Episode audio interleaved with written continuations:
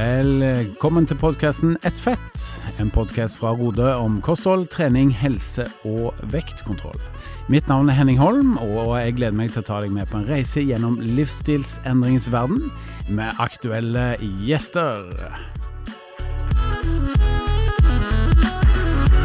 Velkommen tilbake.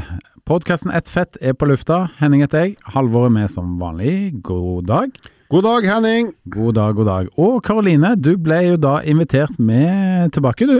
Yes, takk for det. Ja, til tross for ditt eh, store kompliment sist om at jeg var så like gammel som Halvor. Det er jo et kompliment, Henning. Er det det? Egentlig? Men jeg glemte å si hvilken Jeg mente at det var Halvor som så Like ung ut som meg. Ut. Og så har jo jeg sagt om deg at du ser yngre ut enn 41. Men det er ikke Ja. noe kompliment for meg at jeg ser like i gåsehudene ung ut som Henning. Jo, Er det det er det. Nei. Jo. Syns jeg ikke. Det er et kompliment. Ja, Det er litt rart det der. Vi liker hverandre, men ikke, på en måte. Nei, vi er jo ikke Vi er jo bare kolleger. Vi er jo ikke venner, vi er bare kolleger. Nei da, vi er nære Et betalt partnerskap. Gode venner. Gode venner. Gode som venner. ser ut som dere er i 30-åra begge to. Ikke sant? Ja, Ja. ikke sant. Det jeg tror jeg ikke på. Du er altfor hyggelig og høflig. Jeg mista håret da jeg var 27. Så jeg, siden jeg var 27, så har jeg sett ut som jeg er 43. Ikke sant. Ikke sant. Ja. Ok, men eh, det nærmer seg jo sommer, folkens. ikke det deilig? Jo, men husk på det at kanskje noen lyttere hører på det her i oktober og tenker hæ? Men det er altså for at vi spiller det inn i mai 2023. Takk for at du opplyser oss om det åpenbare. Bare. Men eh, når det nærmer seg sommer, og det gjør det jo en gang i året, så er det jo sånn at man gjerne vil ha litt eh, kaldt og godt i glasset. Eller i hvert fall noe godt i glasset. Så jeg lurer på, eh, hvis vi skulle hatt eh, sommerfest eksempel, og dere skal da nyte noe godt å drikke, hva er favoritten, da? Skal vi starte med deg? Ja, da skal vi selvfølgelig ikke svare lettbrus. Men eh, hvis vi snakker drink, da, for eksempel. Ja, Hvis det er dit du vil, siden vi skal snakke om noe som er relatert eh, i podden. Ja, for dagens eh, tema er jo da alkohol og trening og vektnedgang. For det har vi fått veldig mange lytterspørsmål om, og da starter vi med litt sånn, eh, ja, litt uformell prat rundt eh, våre egne favoritter. Ja. Mm. Og blant annet Linda Tjessem Egeland har- bedt oss om å snakke om det. Så jo, min favorittdrink, det er eh, i en sånt lystig lag, som det heter. Eh, Så tror jeg nok gin tonic er en drink jeg alltid setter Altså gin tonic for meg er litt som Grandiosa å spise, at den skuffer aldri. Så jeg syns alltid gin tonic er godt. Ikke det altså, ikke om morgenen sikkert, men, men i en sånn, på en sånn type fest eller ute på byen og skal ha en, en drink, så vil jeg nok gå for gin tonic i 9,5 av 10 tilfeller. Mm. Ja. Rett og slett. Men eh, hvis jeg skal velge en drink, så er jo det den gamle klassikeren eh, Moscow Mule. Men eh, i disse tider så har jeg hørt at den har blitt omdøpt eh, til Helsinki Mule, faktisk, eh, i visse kretser. Av åpenbare årsaker. Ja, ikke sant. Men den drinken syns jeg er veldig god. Mm. Hva med deg, har, du Karoline? sånn, har du sånn egen kopp hjemme? Moscow Mule-kopp? Det, det har jeg ikke. Jeg er ikke så ivrig, altså. Men hvis jeg er ute i godt selskap og blir eh, spurt om jeg har lyst til å bestille meg en drink, så er det den eh, som er favoritten. Og så er det en til som heter Er det Strawberry Dackery, kan det stemme? Det kan stemme. Det er veldig godt. Men det er veldig Mm. lenge siden jeg har smakt. Det syns jeg er supergodt. Deg, Karoline? Eh, jeg trenger ikke noe betenkningstid. Det er Aperol. Jeg syns det er kjempegodt. Med sprits. Med sprits. Men det som er litt greia med Aperol, er at du kan jo Du må fort gå over til noe annet. Hvorfor? For den går eh, kan gå ganske rett i fletta. Så Går den helt opp til hårfestet, helt for de som har det. Nei, så jeg syns hvis jeg skal først Hvis jeg skal ut en kveld, eller det er en middag eller et eller annet, så syns jeg ofte det er digg å starte med en Aperol hvis det er sol og sommer og varmt. Mm. Og så gå over til andre ting etter hvert. Ja. Men Og så, ja, så på drinksida Jeg skulle til å si at det, jeg kan jo faktisk nyte et glass vin også, for det, at det syns jeg er godt i seg sjøl. Nå er ikke det kanskje en drink, da, men det er Enig. litt sånn halvtørr hvitvin er helt tipp topp. ja, det er ikke enig for min del, altså. Jeg syns eh, hvis jeg spiser en god biff og et eh, glass med godt rødvin, det kan jeg eh, finne glede i, fyldig, fyldig rødvin. faktisk. Mm. Det er jo stor forskjell på vin og vin, for å si det sånn. Absolutt. Mm. Men eh, min personlige favoritt, hvis jeg skal drikke noe alkoholholdig, det er jo pils. Eh, og jeg må si at jeg er veldig glad i Hansa. Eh, god bergensk øl, det Hvilken er min favoritt. Det er egentlig eh, hvis jeg, jeg liker ikke så godt eh, på boks, så hvis det er på tapp, det syns jeg er det aller beste. Da er du på utestedet, altså. Det er jeg men eh, flaske i så fall eh, hvis ikke. Det er sånn, ok, øl er det samme, men smaken oppleves litt annerledes, altså, vil jeg påstå. Der går jo jeg selvfølgelig for nordlandspils, siden jeg hadde det i russetida. Men jeg syns det er godt fortsatt. Og så øh, syns jeg også Tuborg er Nei, unnskyld, Carlsberg. Eh, litt for at de var sponsor til favorittlaget mitt, Liverpool, på 90-tallet. Mm. Eh, men også for at jeg syns det er et godt øl. Ja, det virker egentlig som du har en sånn eh, patriotisk grunn for den ene, og en sånn supporterårsak til den andre. Ja, Hva med smak? Ja, nei, for jeg følte jo når, jeg var, når de var sponsor til det favorittlaget mitt, Liverpool, at eh, jeg må støtte laget mitt, så da må jeg jo smake på det. Mm. Eh, men smaken var egentlig ganske god. Mm. Ok. Du da, Karoline, liker du noen former for øl? Altså jeg må si, jeg, jeg tror jeg ble litt skadet av øl etter å ha studert i Skottland i fire år, hvor jeg bare var omringet av sånn svart øl. Guinness? Guinness. Det syns jeg er helt pyton. Eh, men eh, jeg kan eh, kose meg skikkelig med en korona. Med, det må være lime oppi, men der går grensen, rett og slett. Så jeg er litt Mm. jente på, på øl. Har du prøvd Weissbier? Altså sånn hveteøl, sånn lyst? Nei. Ja. Tysk? Nei. Eller belgisk øl? Det kan Ja ja, du Ja. trenger ikke å prøve. Men hvis du, en gang er, hvis du er i München en gang, så kan du prøve det. Mm. Ok, skal huske på det.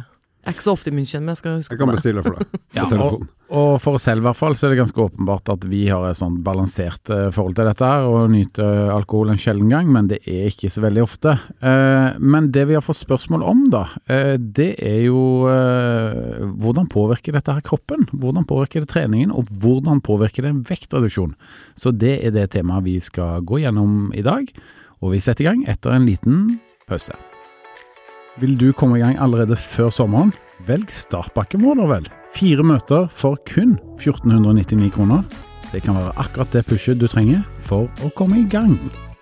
Alkohol og trening slash vektnedgang er dagens tema, og øh, vi har delt litt av våre favoritter. Men øh, ja, alle vet jo at alkohol kan være litt utfordrende for øh, kroppen, men at i små mengder så er det ja, har det sin funksjon, det i hvert fall sosialt. Men hvordan påvirker egentlig alkohol kroppen, Karoline?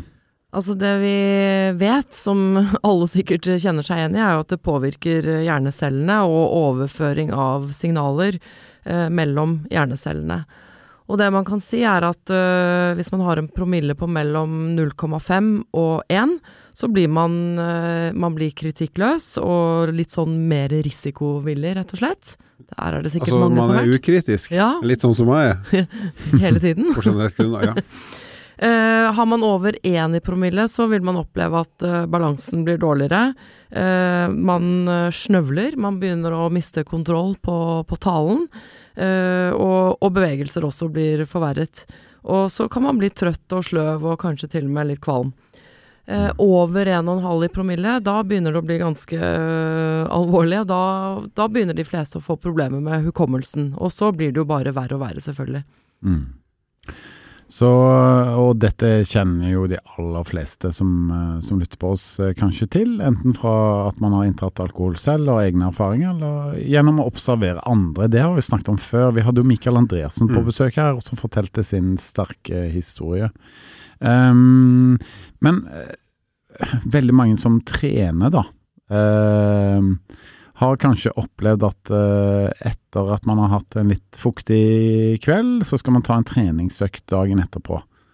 Hvordan oppleves det, Halvor? Det er vel veldig få, om noen, som har sin beste treningsøkt i livet dagen etter at man har eh, inntatt en del alkohol. Altså et glass vin er liksom ikke noe stress, men eh, hvis du har drukket Mm. ganske mye, da. Så eh, de aller fleste vil jo være dehydrert. Eh, det er nesten garantert, hvis ikke du av en eller annen grunn er våken nok til å drikke mye eh, si, mens du sover. Og så vil jo koordinasjonen være dårlig, for hjernecellene fungerer ikke optimalt, og de skal jo styre musklene. Så, så, så det vil være eh, to åpenbare faktorer som gjør at ei treningsøkt eh, ikke er spesielt eh, god. Men det går jo an å bevege seg, men min anbefaling har alltid vært at hvis du skal kalle det trene, så tren lett, altså ikke intensivt, og ikke gjør noe som er teknisk krevende. Eh, så eksempel i min verden, da, hvis jeg skulle ha eh, gjort noe dagen etterpå, så hadde jeg kanskje gått meg en tur. Jeg hadde Mm. ikke giddet å løpe, jeg hadde ikke giddet å sykle, for da hadde jeg sjangla rundt, men kanskje rusla rolig rundt uh, sånn tidlig ettermiddag. Men det kommer jo kanskje litt an på mengde, Selvfølgelig, selvfølgelig. ikke sant? Ja. Så nå snakket vi gjerne om en helaften her Ja. i forhold til de rådene du ga nå. Men en tredje ting som uh, også vil spille inn, er jo søvn. For vi vet jo det at søvn, eller alkohol, vil jo gjøre selve innsovingen lettere, men man sover mye mer eh, Man får mer oppbrudd i søvnen, og det vil jo også påvirke treningen dagen etter. Hvis du er kjempetrøtt, så vil det gå utover treningen også. Ja, For søvnkvaliteten den synker jo uh, etter inntak av alkohol. Helt enkelt så kan man jo si at uh, kroppen ligger liksom og ja, prøver å få den alkoholen ut av systemet. Og det krever litt, litt jobb fra kroppen vår. Ja, og selvfølgelig jo mer du har drukket, jo vanskeligere blir det, og jo mer du har drukket, jo mer snacks og mat og alt mulig betyr det gjerne også. Det vil jo gjøre kroppen eh, tyngre også. Mm. Um, så det er alt det vi spiller inn. Men jeg har jo fulgt opp veldig mange mennesker uh, i forhold til en vektreduksjon og det å komme i bedre form, som et sånt fellesprosjekt som personlig trener selv. Og i Rode så jobber vi jo med å hjelpe mennesker til å forbedre livsstilen sin, og veldig ofte gå ned i vekt. Uh, og opp gjennom årene så har i hvert fall jeg fått spørsmål om altså eh, Hvor mange kalorier er det egentlig alkohol? Og med da den intensjon om at vedkommende gjerne ønsker å ikke ta og fjerne alkoholinntaket sitt, fordi at det er gjerne forbundet med kos eller en sosial event hvor det liksom føler seg forplikta, eller at de faktisk ønsker da å, å, å drikke eh, når de er ute, uten at det går utover resultatene, enten på trening eller når de skal ned i vekt. Så mange lurer liksom på hvor mange kalorier er det i alkohol? Altså, eh, sånn helt nede på teknisk nivå, så sier vi det at altså en, ett gram alkohol har syv kilokalorier. Og hvis vi da sammenligner med karbohydrat og protein, så har det fire kilokalorier, mens fett har ni kilokalorier. Så det ligger litt uh, midt imellom. Uh, det sier kanskje ikke så mye til uh, alle lytterne der ute, men vi kan da si at uh, ett glass vin typ inneholder 100 kilokalorier, og en halvliter eh, litt mer, ca. 200 kilokalorier. Og hvor mye er 100 kilokalorier? Jo, det tilsvarer ca. en banan, da, for eksempel. Men det som er viktig å huske, da, dette med alkohol og de kaloriene det gir, er at det er, det er bare tomme kalorier. Det finnes ikke noe næring eh, i det. Da er vi litt over på, hvis vi snakker om kalorier, så kan vi jo, det er mange som snakker om enhet av alkohol, ikke sant. Eh, så de du snakker om, ikke sant. De fleste kan kose seg med et glass vin, kanskje et par-tre ganger i løpet av uka, særlig om sommeren, eller de skal en tur ut på byen og lurer på hvor mange enheter kan jeg, kan eller bør jeg innta. Det er jo sånn at en alkoholenhet, det er ca. 12 gram ren alkohol, som da omregna til kalorier blir 84-85. Mm. Eh, og det tilsvarer da ei lita flaske øl, altså ikke halvliter, men ei lita flaske øl, eller et glass vin, eller en dobbeldrink. For min del da en Mm. dobbel eh, gin tonic. Bare for å ha liksom Ikke på plass. Men jeg tror nok eh, mange som lytter på nå tenker ja, men dette var jo ikke så mye. Dette er jo ikke så farlig, ikke sant? Og da vil jo mitt svar være f.eks. sånn som jeg og madammen nå når det blir varmt. Vi kommer helt sikkert til å ta oss et glass vin på kvelden i hvert fall et par ganger i uka, fordi at det er hyggelig når det er varmt. Mm. Og da er det jo null stress.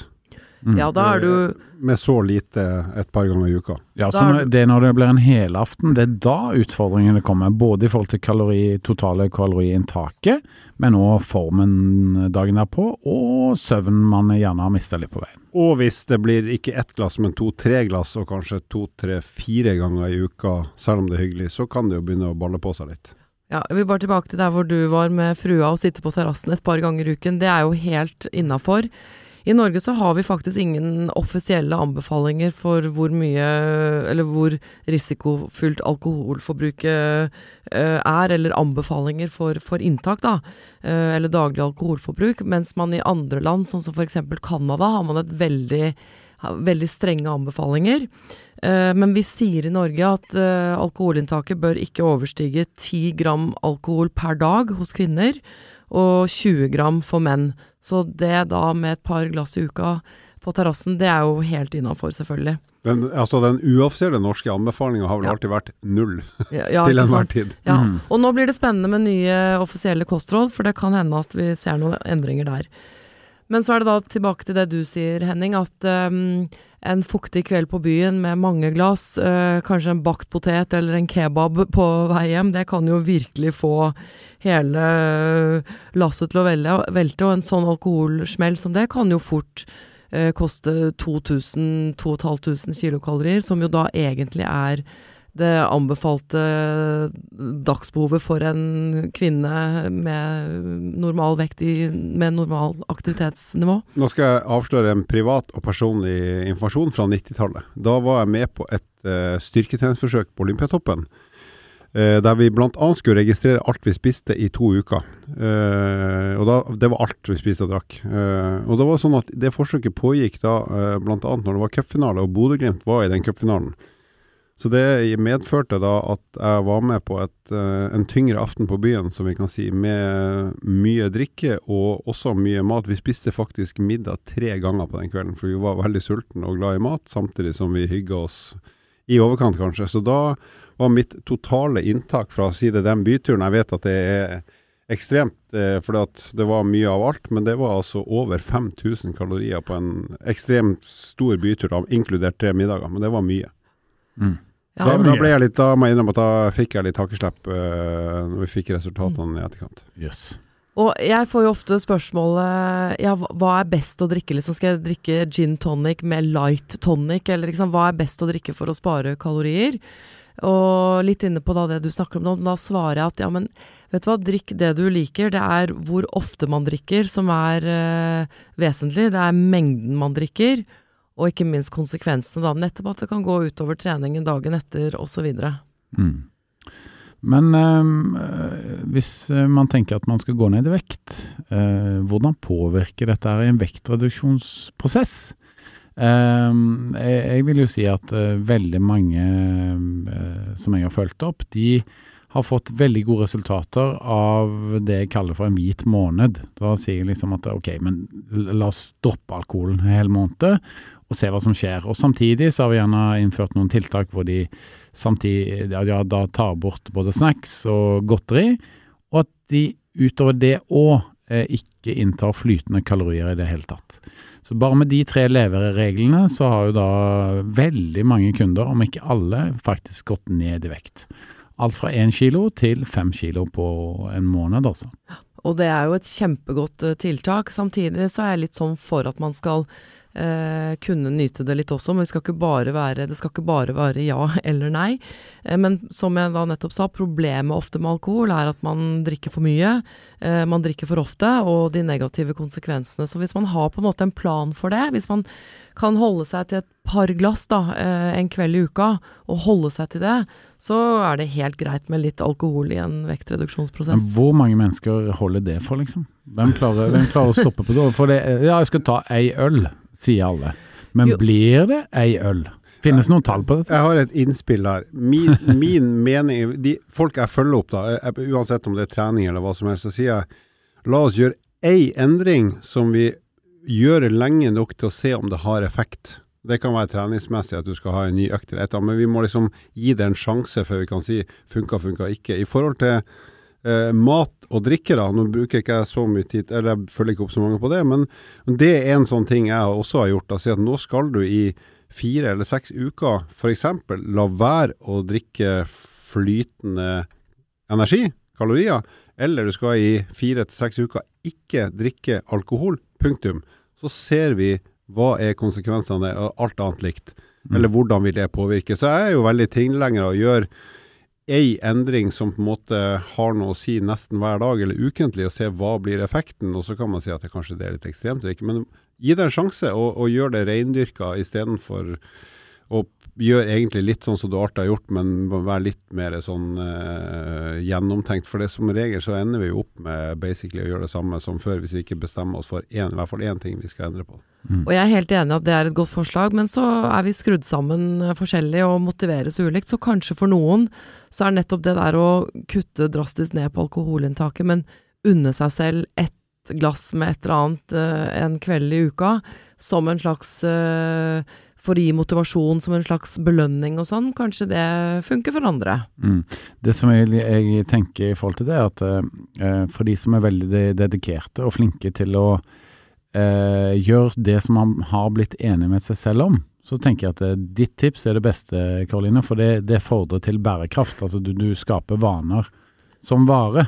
Men du nevnte jo òg her tidlig i dagens sending at uh, den kritiske sansen, den forsvinner jo etter noen enheter. Så hvis du sier at du har drukket litt lite vann den dagen, og så inntar du litt alkohol, og så flyr jo promillen opp, da. Så blir det sånn Nei, det, men det er greit, jeg ligger så godt an i det prosjektet mitt, jeg tar et glass til, jeg. Og så tar jeg et glass til, og så havner man utpå, da. Ikke sant?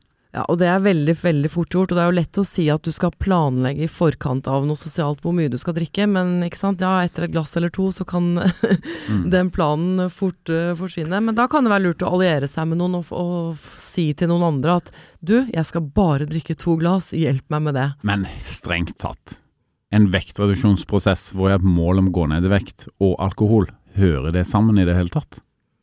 Jeg tenker at uh, det hører ikke sammen, men man kan kose seg litt med alkohol selv om man skal ned i vekt og, og endre livsstil, så Men det er ikke bra for prosessen. det er ikke bra for prosessen, det er det ikke. Nei. Og det som er et poeng òg, er at når du inntar alkohol, eh, så vil leveren begynne å forbrenne den, og på en måte sette alle, all mat og næringsstoffer på vent.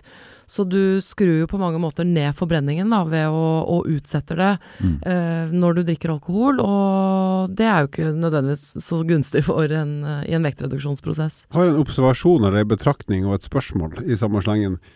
Hvis du tenker røyking, da. Uh, Folk som røyker nå- veldig generelt, da. Men de, hvis de slutter å røyke, mange, så gjør de noe annet istedenfor. Enten drikke eller spise, og opplever veldig ofte å gå opp i vekt nesten umiddelbart. For at uh, når de røyka, så spiste de mindre.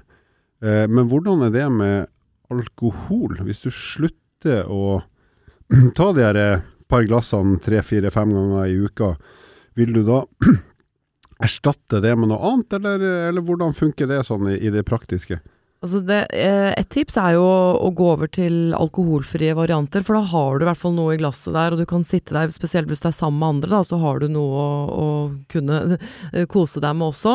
Så bytte til en alkoholfri variant, eller en lett variant, da, hvis man virkelig Mm. øh, vil ha noe alkohol. Uh, men jeg syns det er viktig at man faktisk eh, em, Dere er jo på det der at man hvit måned og det ene og andre, men da tenker jeg også, men hva skjer etter den hvite måneden? Har man liksom lært seg å kutte ned og begrense, eller er det Det blir så svart eller hvitt, så jeg tenker at man skal i en livsstilsendring øve på å heller begrense inntaket, og, eh, og øve på de gode nye vanene og ta med seg de videre. Altså På det personlige plan så kan jeg si at jeg, jeg har en del absolutte regler som fungerer godt for meg. Eh, ikke sant? Og så er det andre som ikke fungerer fungerer Ja, igjen, godt. man er forskjellig, ikke sant. Og så er det liksom summen av alt som gjør at ok, det her livet syns jeg er ålreit, eh, og da gir jeg av, det avkall på noe, og så unner jeg meg noe annet. Så det, Mm. for meg er det enkelt, men du kan liksom ikke være svart-hvitt på alt. Men du Henning, som har jobba mye med folk som har hvit måned eh, Mm. videre, hva gjør de for å få det til? Altså, hva, Har de noe erstatning hvis de da er glad i å drikke litt uh, her og der?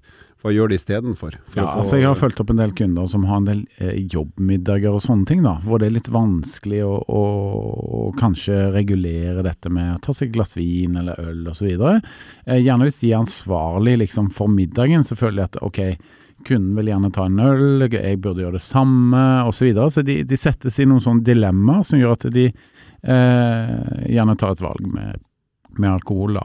Eh, og, det som vi har snakket mye om da, det er å skape forståelse for prosjektet. Eh, at jeg liksom, ja, men Akkurat nå så har jeg et prosjekt med PT-en min, eller jeg går på rodekurs, eller hva det er, og jeg ønsker å gå ned noen kilo. Så snakk høyt om det, og si at derfor skal jeg ta Pepsi Max i dag eh, til maten. Og det som er at når du først er i gang med en sånn prosess, og har forklart folk om hva du holder på med, så funker det. Og når resultatene begynner å komme, så blir de så motivert at det er lettere å flytte videre på bølgen. Ikke sant? Det, det er litt sånn som uh, dårlig sammenligning, men litt sånn som hvis man er gravid. Det har jo ikke jeg og du vært, Henning. Men, uh, og når man opplyser om det til uh, miljøet sitt, så får man Mm. en veldig aksept og forståelse for at ja ja, selvfølgelig, men da må jo du bare gjøre det som passer for din graviditet. Selvfølgelig, det skjønner Mm. vi jo. Men det jeg ofte opplever, jeg får se om dere er enige, at eh, jeg kan ofte velge å på en sosial kveld å ikke drikke. Ikke fordi jeg kjører, men bare fordi kanskje jeg har lyst til å trene dagen etter, eller jeg skal gjøre noe viktig eh, hvor jeg må være fokusert.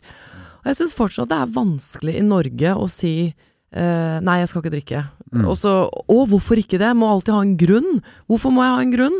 Nei, men jeg er helt enig. jeg. Altså Mm. øh, Ja, for jeg vet ikke Jeg syns sjøl at jeg ramler litt ut av fellesskapet. Og det er jo litt av Du blir Mikael Andreassen. asosial med en Ja, gang. og det er jo litt som han Mikael Andreassen sier, at hvis det er noe én eller to Hvis det er ti stykker, da, så drikker ni av ti, eller åtte av ti, så vil jo stemningsleiet på en måte endres i takt med det man drikker, og, og ganske fort så ramler du jo av. Du liksom Du blir nå værende på ditt samme nivå. Jeg har ikke noe problem med det egentlig, men det er liksom eh, de andre jeg vet ikke, syns vel det er litt rart eller litt spesielt at ikke jeg drikker, hvis jeg ikke har forklart hvorfor. da. For eksempel hvis jeg kjører, så kan jeg jo ikke drikke og skal ikke drikke, og da er det, det er greit på en måte. Men jeg, vet, jeg, jeg opplever sjøl at jeg blir litt sånn på utsida, ikke for at de andre er ugreie, men jeg vet ikke, det, ramler litt av etter hvert. Ja, så Den differansen eh, mellom de som drikker og de som ikke drikker på fest, den er nok ganske synlig for, på begge sider. Det er derfor han, eh, han vel sa, han Mikael eh, Andresen, at jeg stoler ikke på folk som ikke drikker.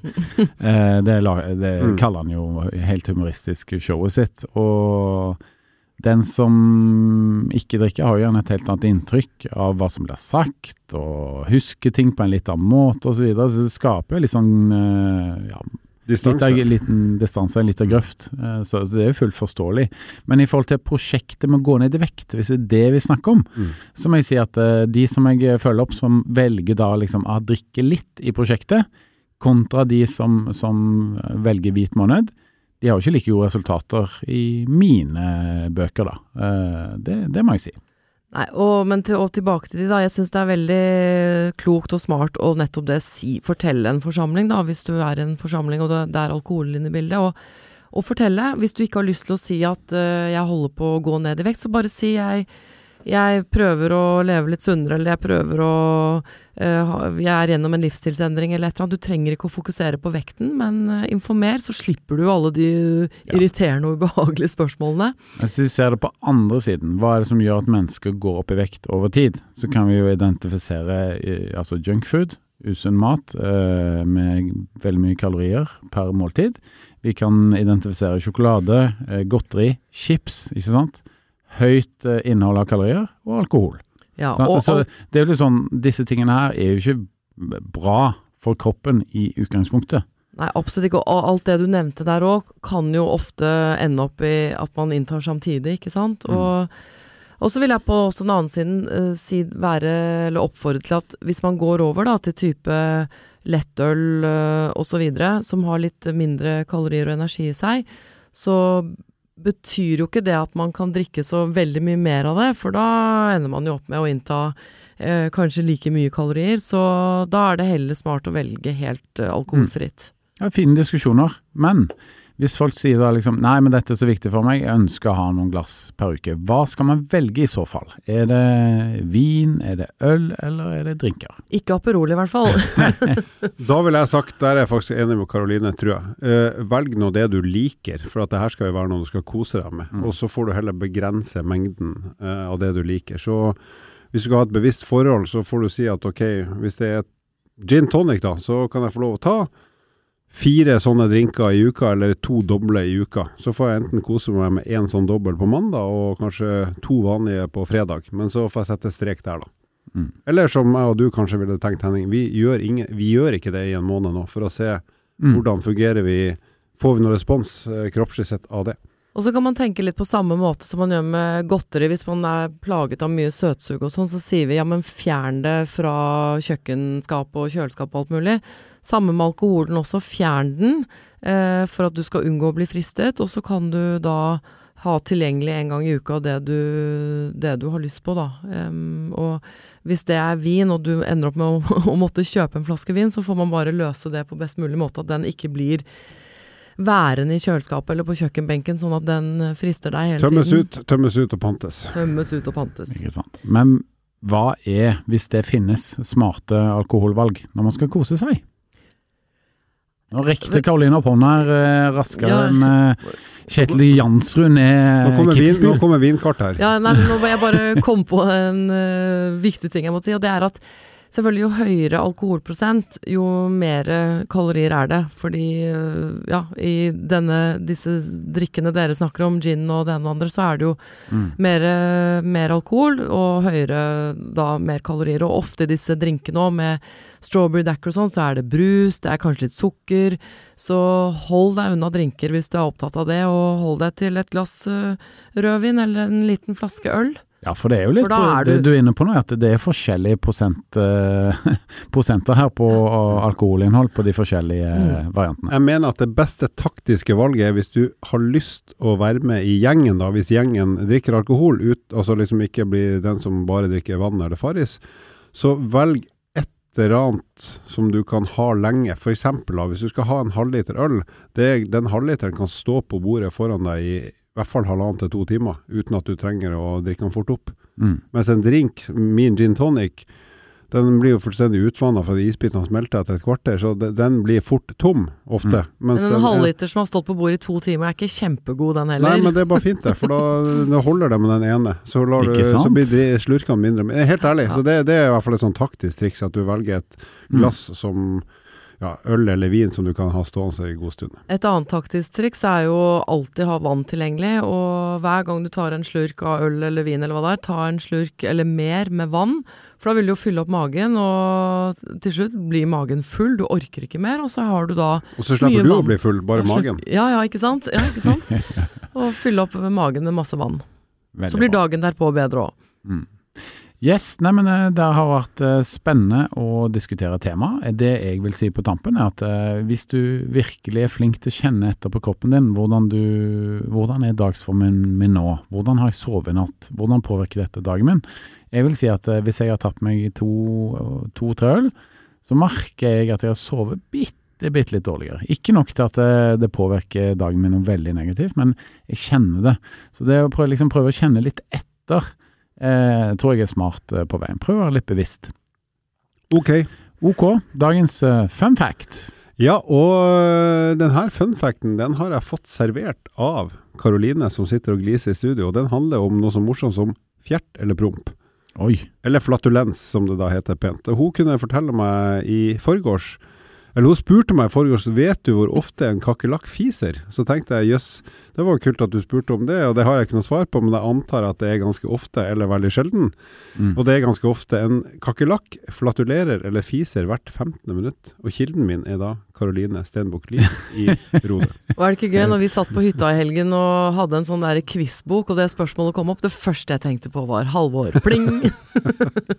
Jøss. Men er det sant? Det var jo veldig ofte, da. Jeg får tro det siden den er i quizbok. Ja, er jeg har ikke sjekka kilden min. Jeg stoler på Karoline. så Men det må jo komme an på hva de spiser. Eller drikker. ikke sant? Jøss. De tygger, de tygger, jeg tror de tygger for lite. den må jeg slett tygge litt på. Aha. Tips på tampen, Bra. tygg mer. Husk på at vi har en eh, Facebook-gruppe som heter Ett fett podcast. Der kan du stille spørsmål til oss, fordi at dagens episode er jo faktisk eh, produsert med tanke på et spørsmål fra en av våre lyttere. Og så vil jeg slå et bitte lite slag for eh, nettbutikken til Rode. Der er det massevis av meget gode digitale bøker nå på rode.com nettbutikk, så der bør du faktisk stikke innom og få tak i noe god lektyre. Og det sier Halvor fordi han har skrevet de selv, faktisk. Ja, Og Karoline kommer straks med en bok òg, som blir meget bra. Bra. Verdt å, å ta en titt på. Med det så sier vi ha en riktig fin uke, og vi høres igjen neste uke. Takk for at du lytta på nok en episode med podkasten Ett fett. Dersom du er interessert i å lese mer om eh, livsstilsendring, gå inn på Rode-magasinet på rode.com. Vil du stille oss spørsmål som vi kan diskutere i en episode, ikke vær redd for å sende inn på Facebook eller Instagram hos eh, Rode. Til neste gang, vi høres.